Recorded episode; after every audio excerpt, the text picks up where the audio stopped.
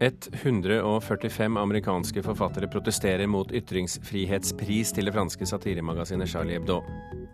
Det mest ubehjelpelige og platte forsøk på et kunstverk jeg har sett. Det mener vår anmelder om det omstilte Osvald-monumentet i Oslo. Og papiravisen VG er død om fem år, spår medieforsker. Den digitale veksten skjer raskere enn antatt. Du hører på Kulturnytt med Birger Kolsrud Aasund i studio. Vi skal også anmelde plata Runddans i dag. Todd Rundgren, Lindstrøm og Emil Nikolaisens samarbeidsprosjekt, men det kommer vi tilbake til noe senere. For vi begynner nemlig i Garland, Texas, der altså to menn ble skutt og drept etter at de gikk til angrep på en utstilling av Mohammed-karikaturer. De to ble skutt av politiet etter at de hadde såret en sikkerhetsvakt utenfor utstillingen. Kollega Joar Hoel Larsen, først, hva er siste nytt i saken? Ja, Nå er klokken plassert ett på, på natten i, i, Texas, og det skjer ikke så veldig mye. Men politiet tar den tiden de trenger. Eh, de to eh, gjerningsmennene ligger fremdeles i, i, gata. Politiet ønsker ikke å gå så veldig nær bilen. Man frykter at det kan være eksplosiver der, som man bruker en robot. Og så ser man det hele an. For man tror ikke at det er noen tredje gjerningsmann som kan gjøre noe mer. La, la oss ta noen skritt tilbake, Joar. Hva slags utstilling er dette? Ja, det er muligens noe pretensiøst å kalle det utstilling. Det var en tegnekonkurranse. Eh, ikke nødvendigvis, så vidt jeg kan forstå, et veldig høyt kunstnerisk ambisjonsnivå. Det var eh, tilhengere av denne gruppen som arrangerte da dette stevnet, som ble oppfordret til å sende inn tegninger av profeten Mohammed, for altså da å ta i bruk sin ytringsfrihet. Hva er motivasjonen for denne utstillingen? Ja, altså Denne gruppen eh, er jo da en menneskerettighetsgruppe som er for ytringsfrihet og religiøs frihet, eh, som de selv hevder. Eh, andre kaller det en hatgruppe. Motivasjonen var faktisk at etter at angrepet på Charlie Hebdo i, i, Paris i januar, så var det en gruppe muslimer som arrangerte et seminar i disse lokalene i denne byen, Garland, Texas, hvor de eh, prøvde å ta opp da hva kan vi gjøre for å få stoppet og stanset og svekket eh, islamofobien i USA. Eh, dette likte da ikke denne islamofobe grupperingen, så de leide lokaler i, i samme kulturhus i Garland, Texas, for nettopp å vise at Eh, de har rett til å tegne profeten. Hva vet vi om de som står bak?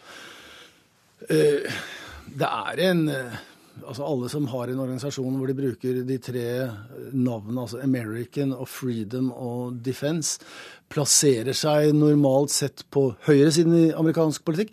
Disse blir beskrevet som særdeles langt ute på høyresiden i amerikansk politikk. Det blir som jeg sa kalt hatgruppe. Og, øh, og, det er nærmest en avlegger av, øh, av den europeiske stopp i islamiseringen av Europa. Eh, klokken er, som du sier, ett i Texas. Eh, vi får la amerikanerne sove på dette, og så kommer vi tilbake utover på ettermiddagen med mer. Joar Hoel Larsen, takk for at du kom til oss. 145 amerikanske forfattere protesterer mot at eh, ytringsfrihetsorganisasjonen Penn gir pris til det franske satiremagasinet Charlie Hebdo. Prisen skal deles ut i Los Angeles i morgen, men flere av forfatterne har trukket seg fra møtet, og Penn forsvarer prisutdelingen.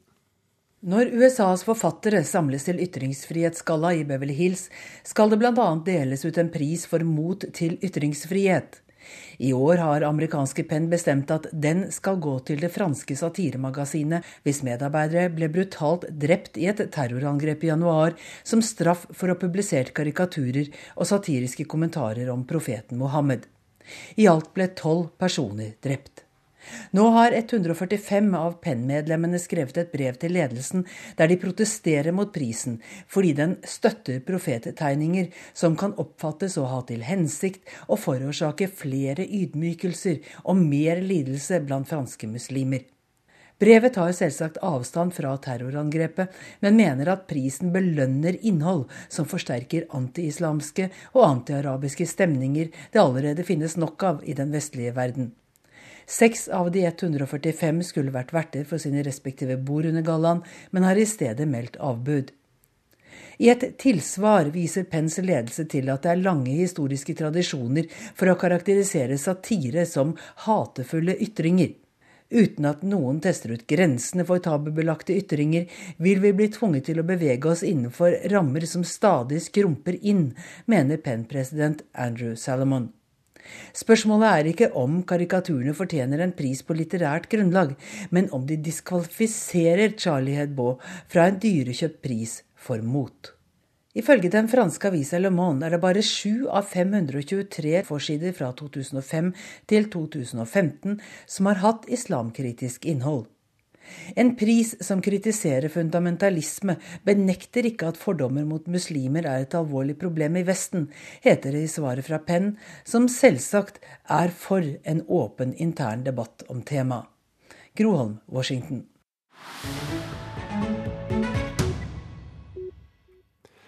Fredag ble det omstridte kunstverket 'Knus nazismen' avduket utenfor Østbanehallen i Oslo. Monumentet er til minne om Osvald-gruppen og NSB-ansatte som deltok i sabotasjeaksjoner mot tyskerne under andre verdenskrig. Minnesmerket har møtt kritikk, men eh, vekker også stor interesse. Uh, so that's that plaque. That's the people, the members of the Oswald group that were killed. Få dager etter avdukinga har monumentet 'Knus nazismen' blitt en stoppestad for guidene i Oslo. Uh, uh, Minnesmerket er reist til minne om sabotørene i Osvald-gruppa og NSB-tilsatte som var med på aksjoner mot tyskerne under andre verdenskrigen. Kunstverket er en stor hammer som knuser et hakekors mot en stein. Både utforminga og plasseringa av kunstverket har vært kritisert. Blant de som har fronta kritikken, er redaktør Harald Stanghelle i Aftenposten. Det dreier seg om å sette opp en eh, brutal propagandakunst i Oslo i 2015 i et stort og viktig offentlig rom. Østbanen er en eh, veldig fin bygning, eh, og monumenter som blir satt opp i 2015, eh, bør være i tråd og stil med den bygningen det skal kle. Men Hans O. Felix, som leder juryen som valgte skulpturen, mener det er gjort en god jobb, både når det gjelder plassering og utforming. Det er klart at det har et tydelig språk, det er klart at det kan skape debatt, men det er jo heller ikke noe galt i det i forhold til det temaet som er tatt opp. Og som sagt, det er altså en enstemmig jury som eh, har plukket det ut, og det er en jury som er sammensatt etter råd fra Norsk Bilderhuggerforening. Så ja, vi har god samvittighet for det vi har plukket ut. Men blant de som stoppa ved monumentet i Vårsola i går, var det få gode ord å hente. Jeg syns den er tung og bombastisk. Gir meg litt sånn eh, eh sovjetfølelse. Jeg har aldri sett det før, jeg har ikke hørt om det engang. Men jeg må jo si jeg ble overraska når jeg ser hammeren, for jeg forbinder jo hammeren med vold.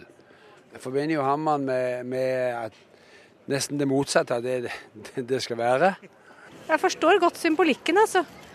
Men jeg hadde gjerne sett den fremsatt på en litt annen måte. Syns den er plump og uh, oversymbolsk. Og en hammer som knuser et nazikors, det blir liksom det minst subtile jeg kan tenke meg, da.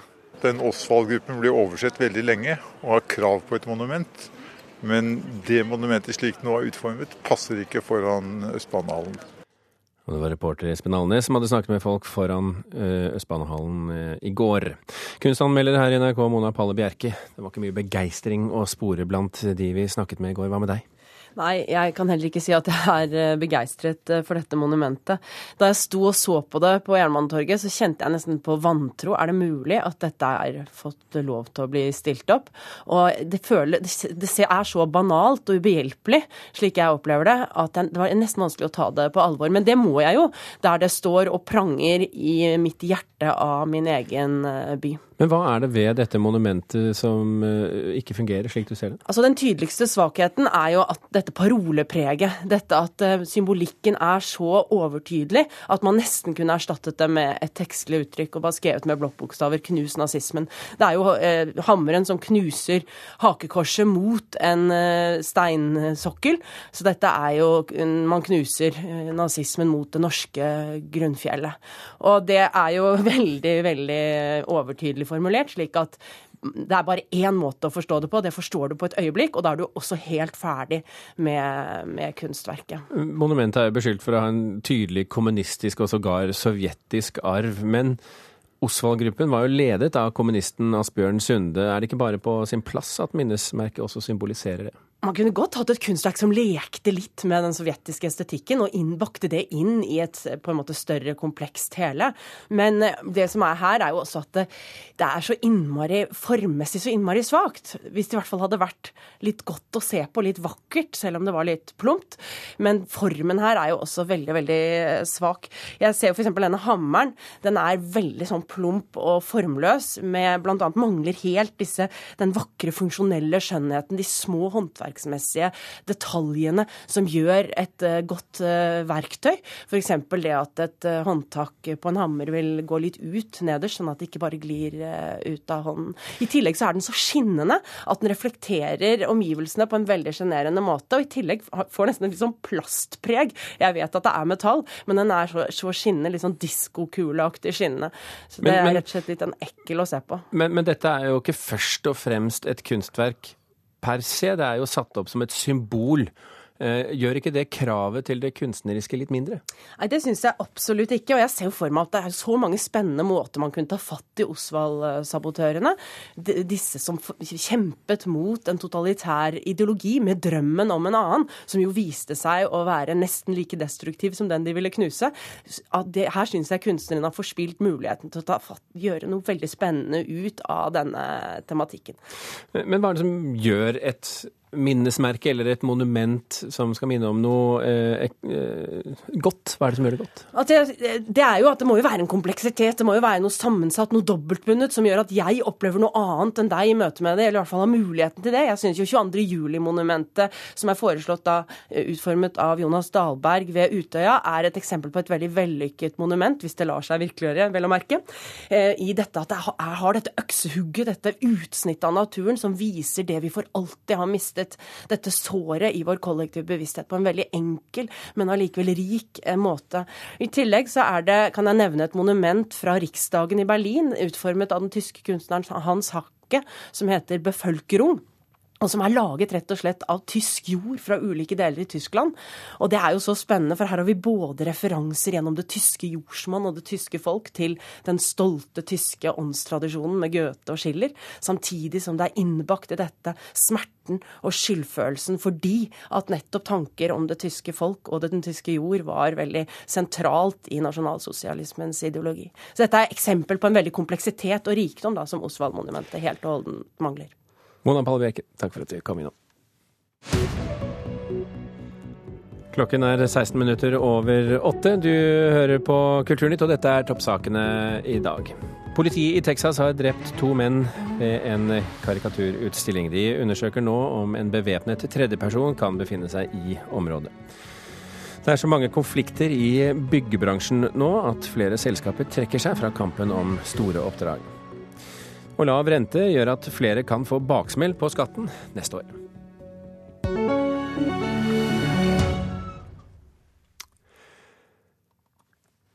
VG som papiravis kan være død i 2020. Det spår medieforsker ved Høgskolen i Gjøvik, Jens Barland. Allerede neste år vil det være flere digitale VG-abonnenter enn kjøpere av papirutgaven i løssalg, tror han, og det digitale kappløpet går raskere enn hittil antatt. Nei, Det er vel eh, de eldre generasjonene stort sett som kjøper eh, papirutgaven av VG i dag. Magnus står i kassa på Narvesen i Elverum. Han bekrefter en utvikling som har pågått lenge, men som nå går raskere enn antatt. Da spør jo folk ja, når vil det bli slutt med papiravisen? Så medieforsker Jens Barland har tatt fram opplagstallene fra 1945 til i dag, og en linjal for å spå VGs død som papiravis. Nedgangen den er veldig stabil, for å si det slik. og hvis man helt sånn visuelt sett bare legger en linjal på den kurven slik den går nå, og så tegner vi ned her. Og det vi ser da, er at når vi kommer til 2020, så vil det ikke lenger være noe opplag for VGs papiravis, slik som utviklingen er nå. Nå er jo ikke det noen problemstilling som jeg bruker mye tid på, all den stund vi omsetter for ca. en milliard eller eh, vel så det på papiravisen, og fortsatt tjener gode penger på den. Eh, men det er jo klart at eh, VG må eh, over tid eh, være en lønnsom bedrift. Svarer VGs sjefredaktør og administrerende direktør Torry Pedersen. Hva slags VG leser du av, digital eller papir? Papir. De gode papirkundene sørga for VGs formidable vekst fram mot 2000-tallet, med en opplagstopp på bortimot 400 000. Fra 2004 begynte et like bratt fall for papirutgaven, og opplaget i fjor var på snaut 140 000.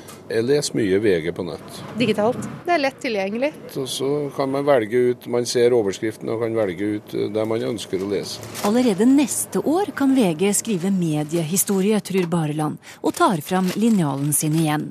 Han tar utgangspunkt i at VG pluss nå har 55 000 abonnenter. Hvis man legger da en linjal på veksten i VG+, som er ganske sterk for tiden, og en tilsvarende linjal da på papiropplaget, så ser vi at kanskje allerede i løpet av 2016 så vil VG ha flere digitale abonnenter enn det de har daglige papiraviskjøpere. Er det overraskende? Det mest overraskende er vel tempoet det skjer i. Torry Pedersen tviler på denne spådommen òg. Det tviler jeg på.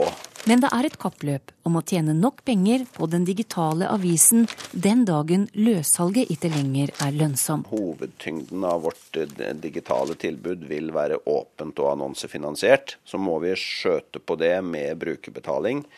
Og så håper jeg da at papiravisen holder seg eh, levende og i noenlunde god form så lenge som overhodet mulig. Kommer du til å savne papirutgaven? Ja, det syns jeg. For det er liksom så grei å ha med sitte med på kjøkkenbordet med kaffekoppen og blar i avisa. Det er helt herlig, altså. Reporter i denne saken, det var Torunn Myhre. Erik Wilberg, førsteamanuensis ved Handelshøyskolen BI. Er du enig med Barland i at VG som papiravis er død om fem år?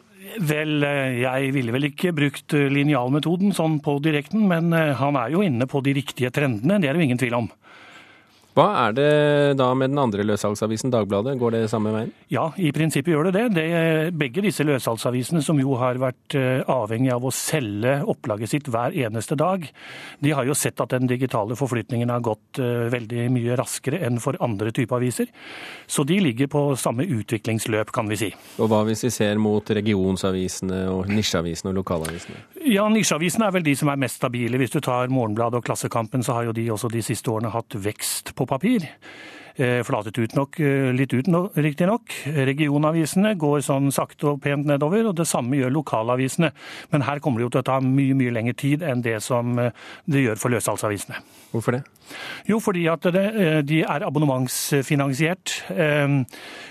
Mens VG og Dagbladet kjøpes hver dag på papir, så er det på en abonnementsfinansiert avis. Betaler de inn på forskudd. Og dessuten så er jo de fleste norske aviser lokale, og de har et annet grep om sitt lokale marked enn det VG og Dagbladet har. Men, men, blir alt av papiraviser borte etter hvert, eller vil det stabilisere seg på et noe lavere nivå enn i dag? Sakte, men sikkert så blir det nok borte. Du kan jo tenke deg en, en ganske god analogi er jo salget av CD-plater mot strømming av musikk. Musikken er jo ikke blitt borte, men eh, mediet det er levert på er jo i ferd med å forandre seg kraftig. Så det avisene og eh, fotobransjen, altså film og kamera og papiraviser, følger samme utviklingsløp.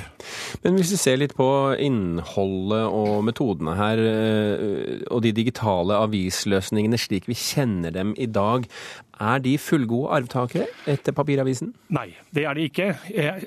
Noen er bedre enn andre, men jeg tror ikke avisene vil i det lange løp tjene på at de har en kopi av papiravisen liggende på nett. Eh, på mobil er det riktignok litt bedre, og der ser vi også at veksten er ganske formidabel for alle avistyper. Men det å lage en papiravis og en e-avis og legge det ut, det tror jeg ikke er veien å gå. Og der har vi noen hederlige unntak, både med, med Dagens Næringsliv og Aftenposten, som har tatt nye grep, og det tror jeg er veldig bra. Og VG pluss også.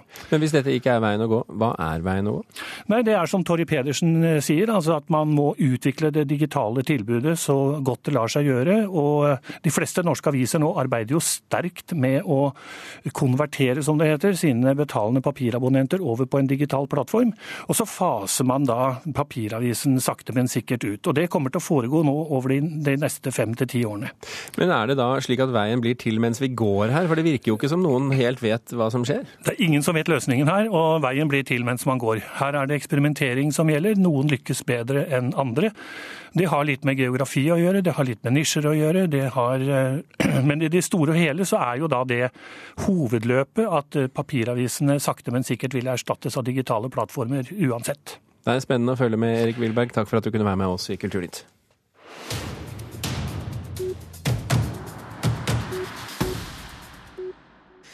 Nå til et møte mellom blant andre en av Norges største elektronikaartister og en av pophistoriens mest anerkjente låtskrivere og produsenter.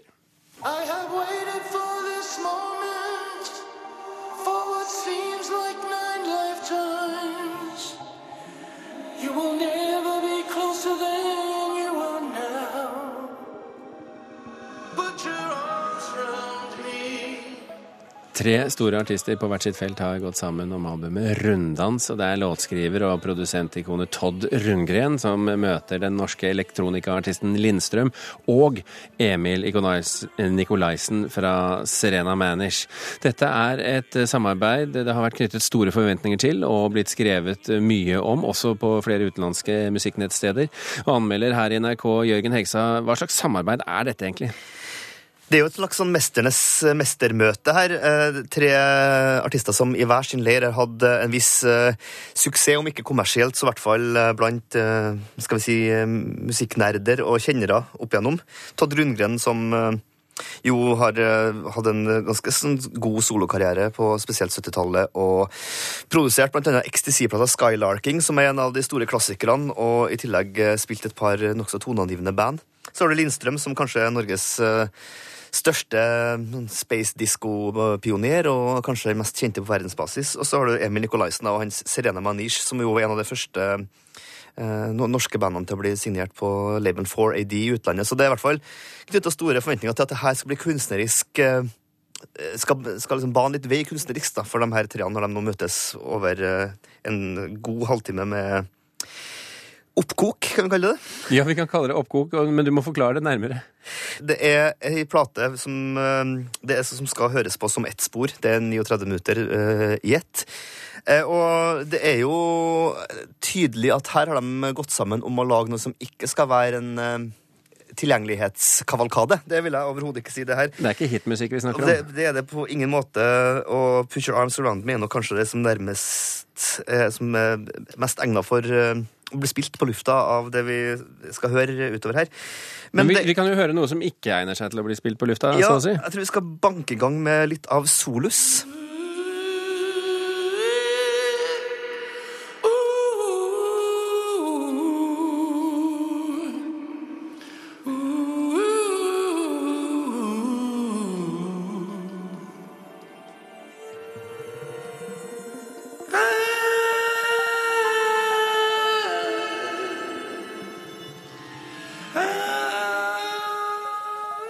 Er ikke akkurat P1 dette her, Hegstad?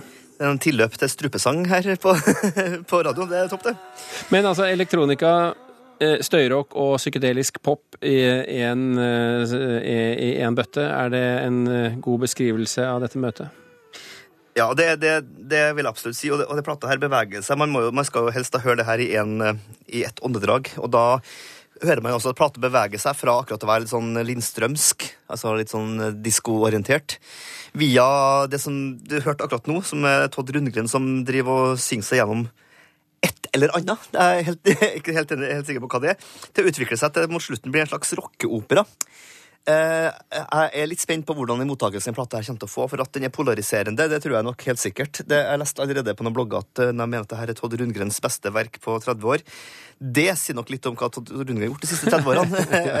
Men hvem, skal, hvem tror du det appellerer til, da? Jeg tror det her kan treffe en nerve hos dem som uh, liker at musikk uh, dras framover og eksperimenteres fram.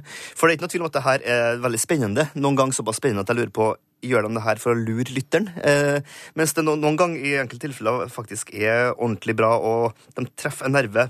I hvert fall av og til da, på denne, på denne plata som om ikke annet et oppkomme av ideer som de virkelig har vært i en ja-og-fase når de har satt sammen og nå har gitt ut.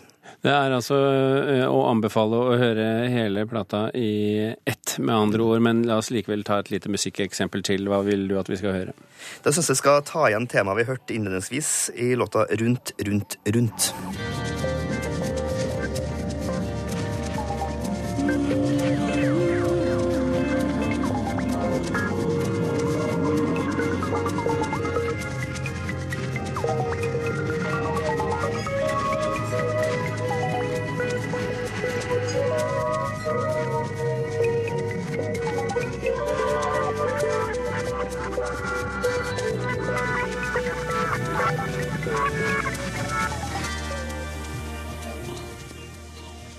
Runddans med gruppen Runddans, bestående av låtskriver og produsentikonet Todd Rundgren, elektronikaartisten Lindstrøm og Emil Nikolaisen fra Serena Manish, anmeldt av Jørgen Hegstad. Nå til noe helt annet.